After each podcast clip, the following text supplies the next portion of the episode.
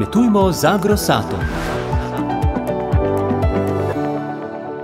Drage poslušalke in spoštovani poslušalci, že pred mesecem smo se ustavili ob vprašanjih pridelave krompirja in takrat je ostalo neodgovorjenih kar nekaj vprašanj, predvsem tistih, ki ste jih eh, takrat pošiljali po elektronski poti, po elektronski pošti. No, tudi danes lahko pošljete kakšno vprašanje po elektronski poti na studio afnaognisce.js, veseli pa bomo tudi vaših klicev z vprašanji.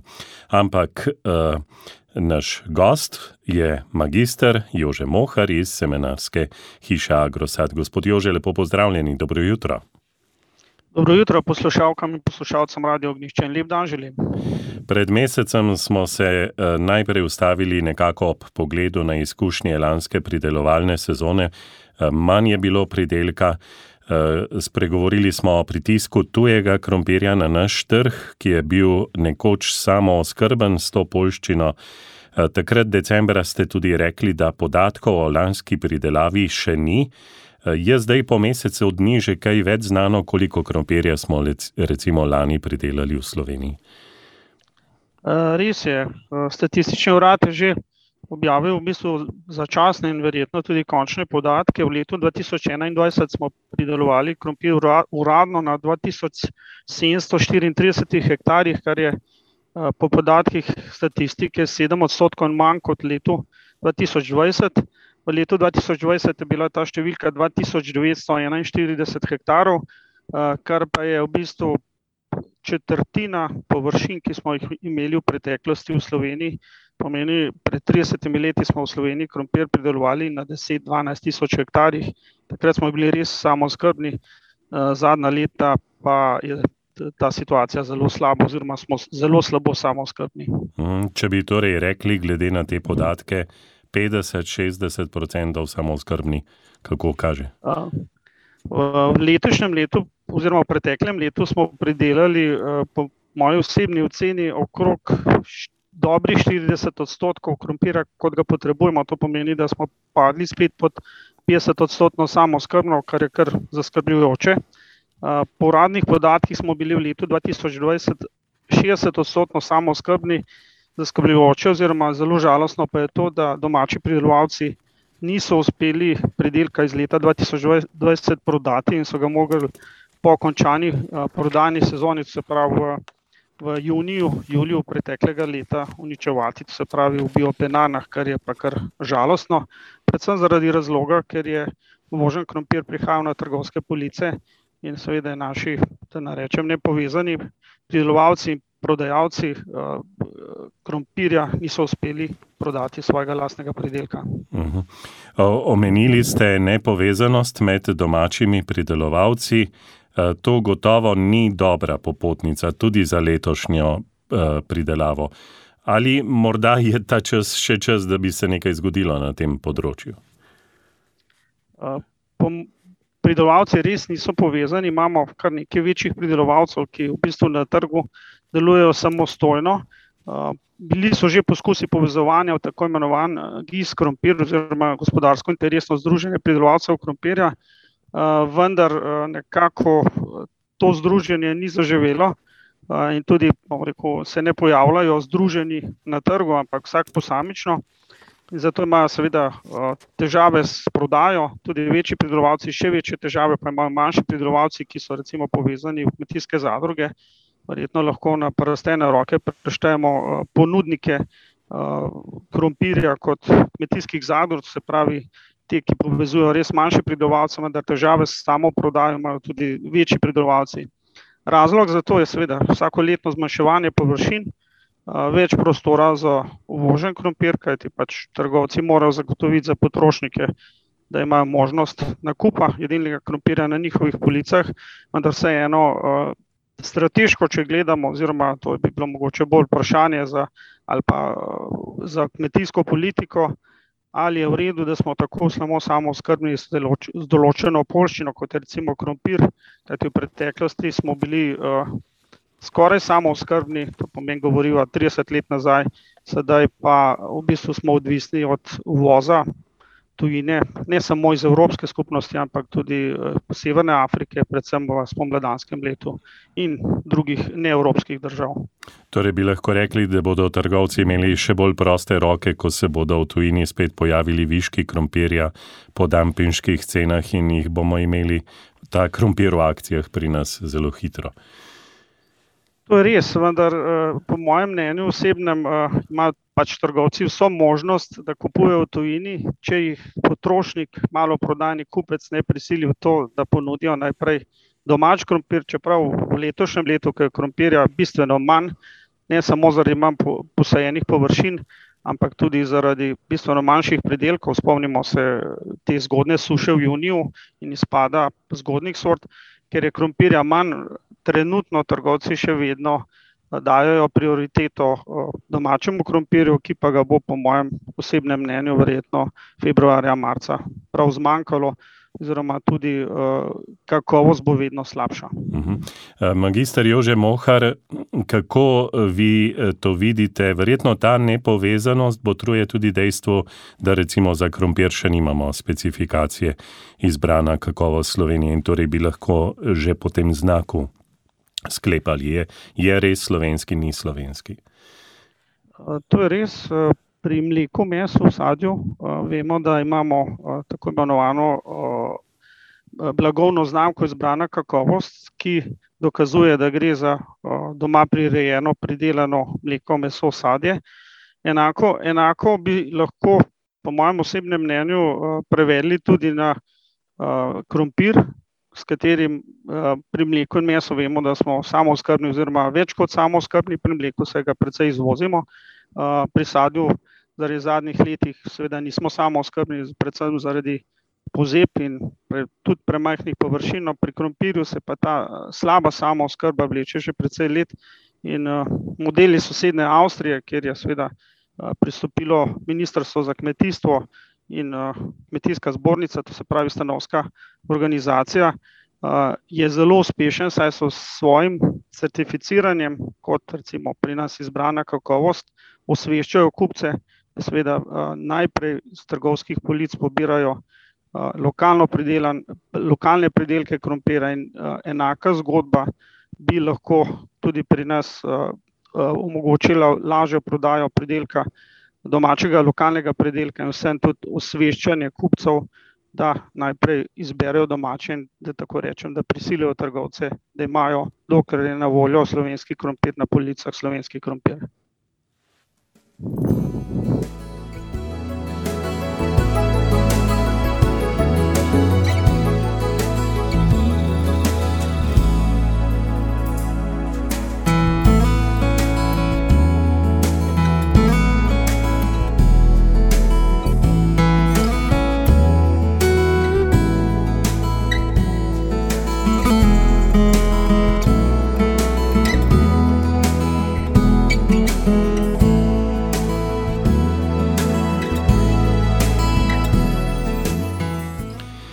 Naš gost na daljavo v današnji jutranji svetovalnici, ki smo ji dali naslov Vse o krompirju, drugi del je magister Jože Mohar, ki prihaja iz semenarske hiše Agrosad. Gospod Jože, če zdaj pa že vendarle malo pogledava na pridelovalno sezono, ki se riše pred nami. Če v teh dneh ne bi bilo tako mrzlega vremena, kot smo mu priča, in marsikje tudi zmrznjene zemlje, bi zdaj že mnogi kupovali semenski krompir. Nekako ostaja zatišče zaradi teh vremenskih okoliščin. Pa me najprej zanima, tudi eden od poslušalcev je zapisal vse, letos obeta skok cen semenskega krompirja, glede na to, da se vse draži. V letošnjem letu se ne obeta tako visok skok cen kot pri energentih in recimo mineralnih gnojilih. Pričakovati je manjši dvig cen, vsaj v veleprodaji smo semenarska podjetja dvignila cene v povprečju za deset, petnajst odstotkov, ne več. Ker letošnji dvig nekako ni vezan na podražitve energentov še, vendar pride to v naslednjem letu, po mojem mnenju.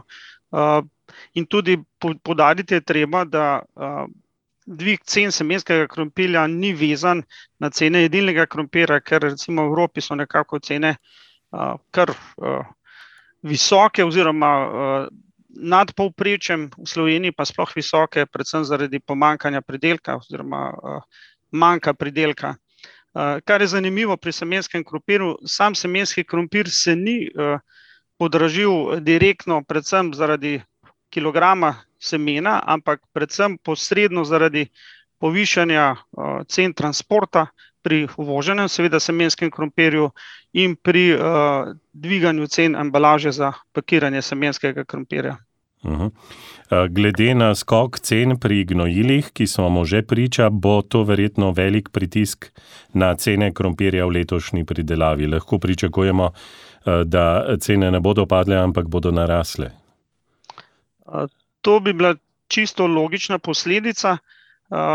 Če gledamo samo strukturno, lastno ceno jedilnega krompira, predstavlja semenski krompir ponovadi okrog tretjino stroškov same pridelave, vendar, po mojem mnenju, se bodo letos ta razmera predvsem podrla.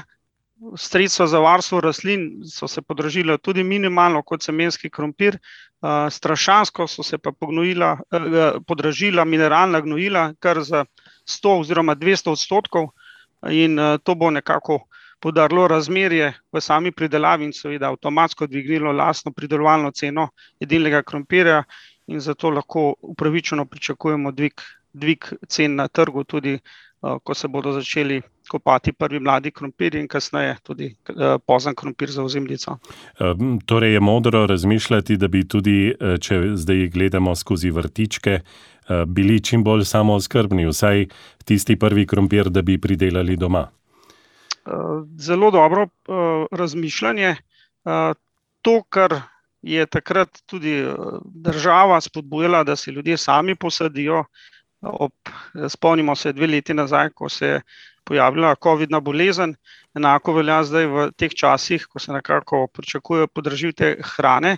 Kdor ima možnost posaditi za sebe zgoden krompir v vrtičku, lahko zaradi mene tudi urbano vrtnarjenje, se pravi v, v, v tam, kjer ni vrtov, v kakšnih večjih,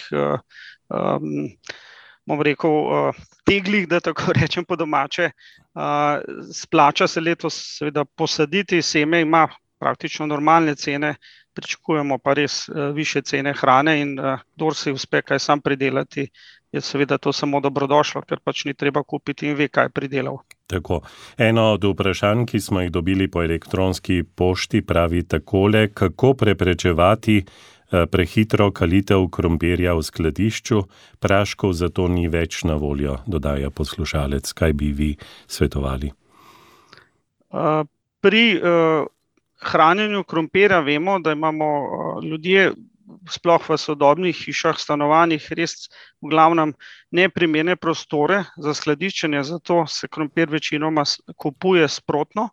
Vendar vseeno tisti, ki imajo možnost kleti, domačih kleti, ki niso prevlažne in niso pretople, krompir, ki ga imamo namen skladiščiti za zimo, se pravi za ozimnico, skopljemo ne, ne prav zgodaj, ampak, ampak kasneje, recimo v avgustu, ga dobro osušimo, postavimo suhega v en hladen prostor, kjer mu počasi lahko spuščamo temperaturo, in nekako s to nizko temperaturo poskušamo zadržati, da ne bo kalil. krompirju zelo škoduje nihanje temperature, to pomeni, da je enkrat recimo deset stopinj, enkrat pet stopinj oziroma enkrat petnajst, drugič pet. In vsa ta nihanja temperature so skrajno neugodna za samo, samo prekinitev dormance oziroma spečega stanja in zato začne kaliti.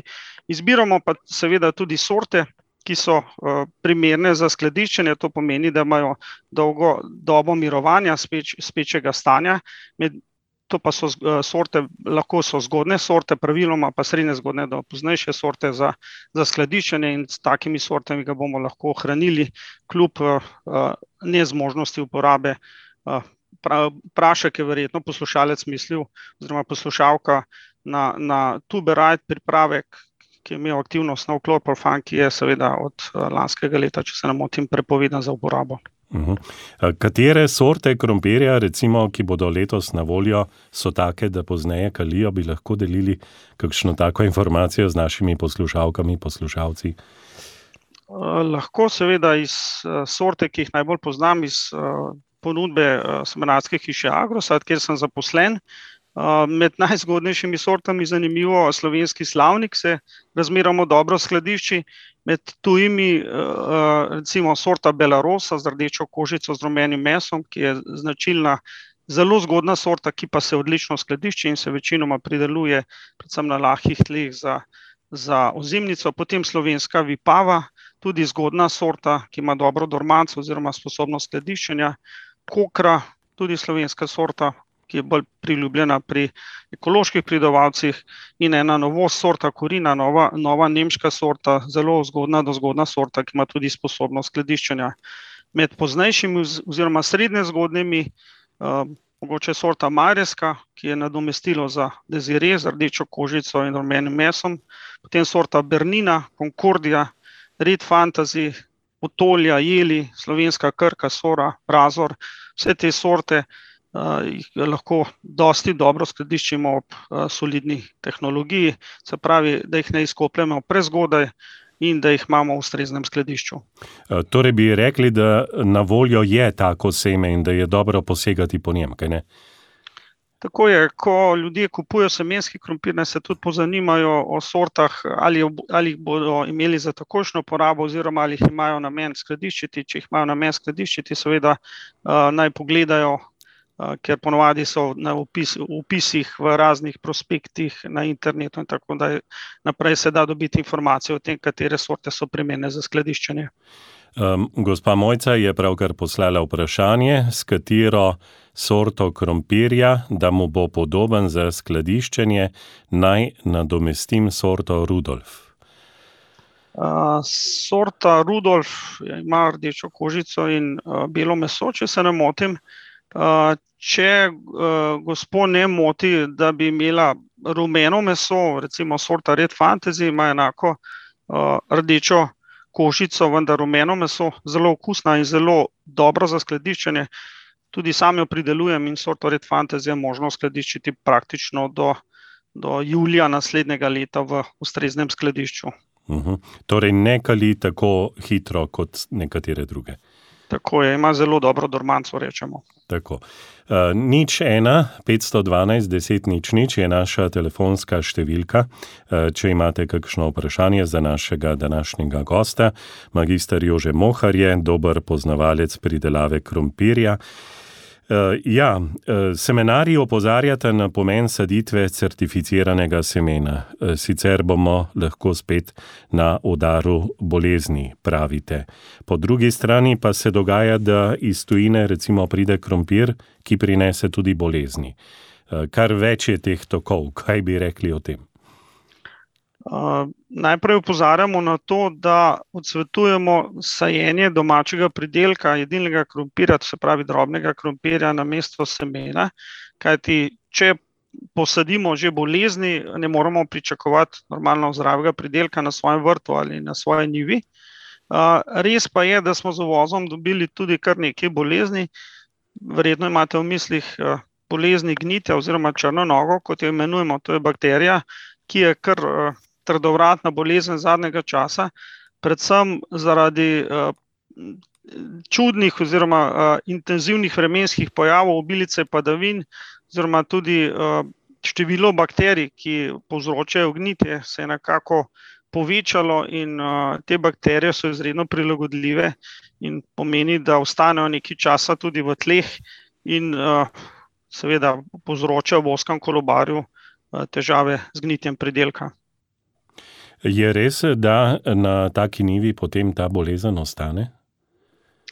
res je, da, sploh bakterijske bolezni nekaj časa ostanejo na njivi, vendar z dovolj širokim kolobarjem, pomeni, da krompir ne ne sledi že naslednje leto oziroma na dve oziroma tri leta, rajši na štiri ali pet let, se lahko, rešimo teh bakterij. Še bolje pa je, da sejemo v tem vmesnem obdobju s kakšnimi drugimi kulturami te, strnične dosevke, kako rečemo, recimo po zgodnem krompirju, po, po žitih, če so v kolobarju, oziroma po drugih kulturah, s katerimi rečemo, da razkožujemo tla oziroma zmanjšamo populacijo teh škodljivih organizmov, ne samo bakterijskih bolezni, tudi glivičnih bolezni in škodljivcev, kot so strune in tako dalje. Tako, poslušalka z Gorenske je z nami, gospa Petra, dobro jutro. Dobro jutro. Jaz nisem pridelovalka krompirja, sem pa uh, kar precejšen jedec. Ja. Ljubiteljica. Tako. Uh, v trgovini kupim krompir Iva. Prodaja se Iva za pečenje in Iva za kuhanje. In to eh, krompir Iva za pečenje je najboljši krompir za pečenje, za kuhanje, za vse, kar ga jaz uporabljam. Pa sem res natančna. Ima svetlo košto, pa rumeno meso in se ne razkuha. In uh, pač karkoli delam z tega krompirja, vem, da mi bo dober ratal. Kaj je to za en krompir? Ja, to je verjetno trgovska znamka. Tako je to. Definitivno, jaz bi rada ta krompir dobila pri kmetu, ker na vasi živim, ampak sem sprobala že vse krompirje klele okrog sebe in noben mi ni ta prav, ali se razkuha, ki ga hočem uh, skuhati recimo za tenstanga, ali pa je čist voden, ki ga naredim za, za pire. Hvala lepa za vprašanje, bo magister Jože Mohar poskusil odgovoriti. Nasvidenje, lepo zdrav kran. No, blagovna znamka Iva je znamka slovenske pakirnice, ki pakira v, v svojo vrečko, praviloma poletnem, poletnem in začetek jesenskega časa, še slovenski krompir, večinoma pa krompir iz uvoza. To si naj gospod tudi pogleda, iz kje je ta krompir prišel. Vendar moj, moj, moj odgovor na to vprašanje, kateri krompir je primeren bi odgovoril na način, da imamo pri sortah krompirja različne kuhalne oziroma uporabnostne tipe krompirja, se pravi od zelo čvrstih krompirjev tipa A oziroma AB, večinoma, ki se pojavljajo, do uh, rahlih krompirjev tipa B oziroma C, ki pa sploh niso primerni za kuhanje.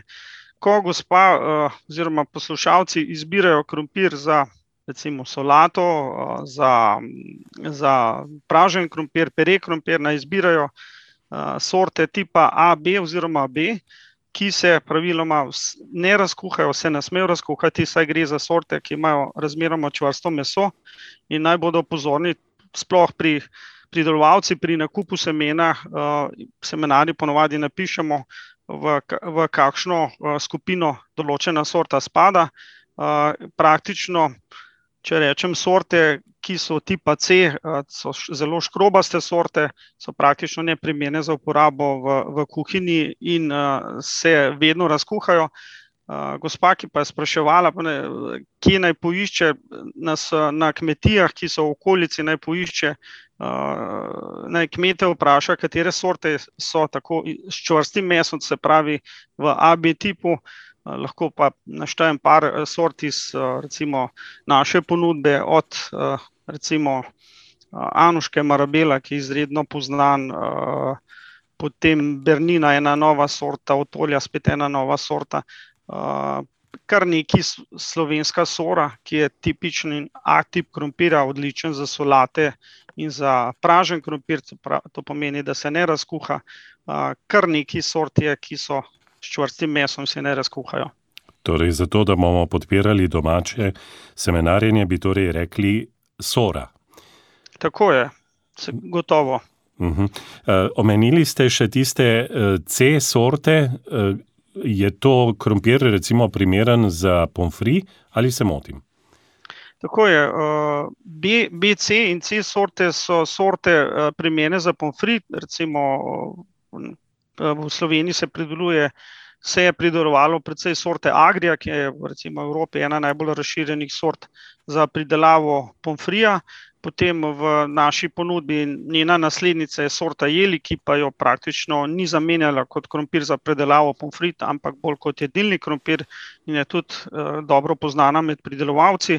Uh, pomeni sorte, ki pa imajo še več groba kot te C-tipa, eh, to se pravi čisti C-tip, so pa tako imenovani krompiri za škrob, ki pa niso primerni za prehrano ljudi. Aha. ampak samo za industrijo. Tako v mokah sem videl, da dobimo ta krompirjev škrob celo. Uh, ja. uh, še eno vprašanje. Uh, poslušalka sprašuje, če bo še kdaj na voljo sorta krompirja Nataša.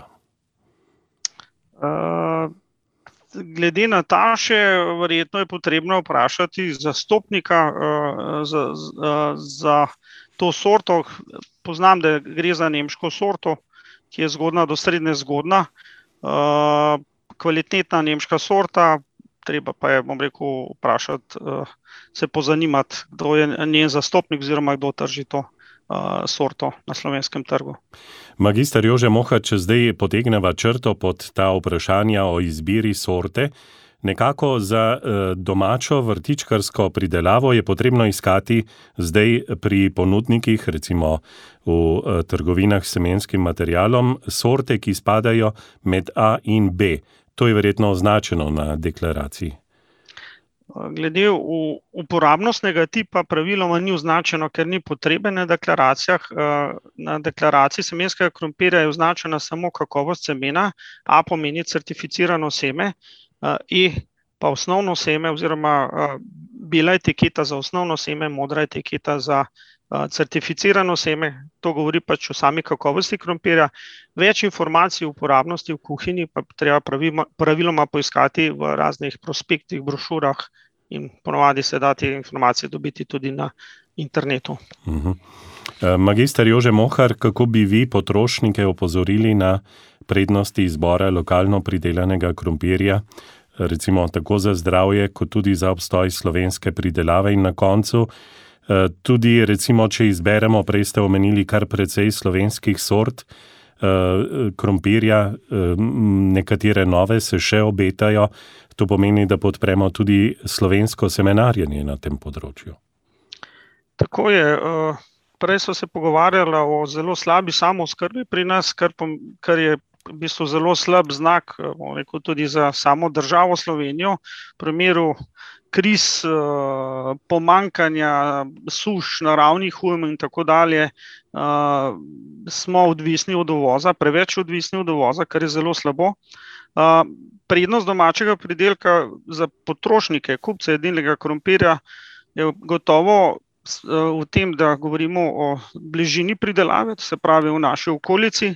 V Sloveniji smo zelo omejeni pri uporabi fitofarmacevtskih sredstev glede na ostale države v Evropski uniji. Imamo izredno strogo kontrolo pridelkov. Zavedati se je potrebno, da je krompir kot hrana ali poljščina sestavljen iz osemdeset odstotkov vode in pomeni, da s transportom vozimo po cestah ogromno vode, kar pomeni spet ekološko gledano na velik ogljični odtis, to se pravi onesnaževanje okolja. Praviloma so lokalno pridelan krompir ima tudi boljši okus, ker vemo, da različne sorte v različnih okoljih dajo različen okus. Kljub včasih slabšemu izgledu domačega pridelka, ki ni tako lep kot recimo uvožen iz Francije, pa ima vseeno naš domači pridelek boljši okus.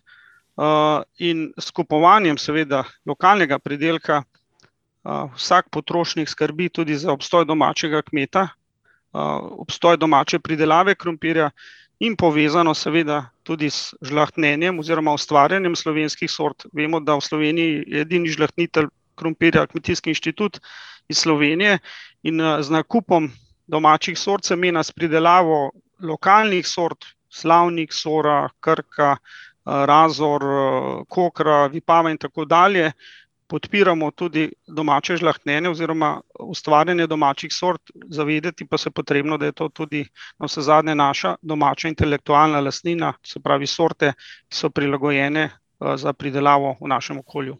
Tako, še zadnje vprašanje. Gospa Erna nas je poklicala. Dobro jutro. Ja, že dolga leta smo sadili krompir Arinda.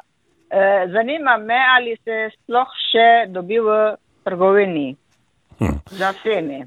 Hvala lepa za vprašanje. Če se ne motim, sorta Arinda ni več na voljo v trgovinah, oziroma jo je zastopnik in žlahtnitelj opustil iz pridelave. Je pa kar nekaj sort, ki bi lahko nadomestile sorto Arinda, po možnosti sorta, recimo nemška sorta Otolja, ki jo dobro poznam, novejša sorta, izredno odporna na plesen, odličnega okusa, rumene barve meso in odlična za skladiščenje. In verjetno še kakšna druga, novejša sorta, recimo Corina je ena nova sorta, ki jo začenjamo uvajati v Agrosatu. Zelo zgodnja do zgodnja, dobra za skladiščenje, lepega izgleda in tudi odličnega okusa. Vse to je pomembno pri sortah, ki prihajajo za Arindo, da tako rečem. Magister Jože Mohar, čisto za konec, kako hiteti z nakupom semena? sadili bomo verjetno tam nekje v drugi polovici marca nekateri, marsikdo pa vse tja do začetka maja, recimo. Glede nakupa semenskega krompirja svetujem, pridelovalcem, tako vrtičkarjem kot tudi, kmetijam, ki se ukvarjajo s pridelavo krompirja, da ne čakajo do, do, do zadnjega trenutka, predvsem na začetku je izbira večja, seveda določenih sort ni več na voljo in zato prihajajo nove sorte. seveda vrtičkarji naj posežejo po zgodnjih sortah, ker ne, ne škropijo, se pravi, ne ščitijo, krompirja proti boleznim in, se morajo na ta način izogniti uporabi fitofarmacevtskih sredstev. tudi ostali naj ne čakajo, ker, zavedati se je potrebno, da določenih sort je manj na razpolago, predvsem določenih zelo zgodnjih sort, in, če čakamo predolgo časa, potem, veste, ne dobimo na koncu tistega, kar si, kar smo si zamislili oziroma želimo za predelavo, pridelavo na na svojih površinah. Torej zdaj z začetkom februarja bo kar dobro razmisliti, če prav razumem. Naročiti, naročiti in si priskrbeti, bi dodal. Magister Jože Mohar, hvala lepa za to, da ste z nami delili poglede na to področje. vse informacije za odgovore našim poslušalkam in poslušalcem. Lep dan vam želim in vse dobro. Hvala za povabilo v vašo svetovalnico, lep dan tudi vsem poslušalcem, poslušalkam Radia Ognjišče in do naslednjič, če tako rečem. Tako, prav gotovo.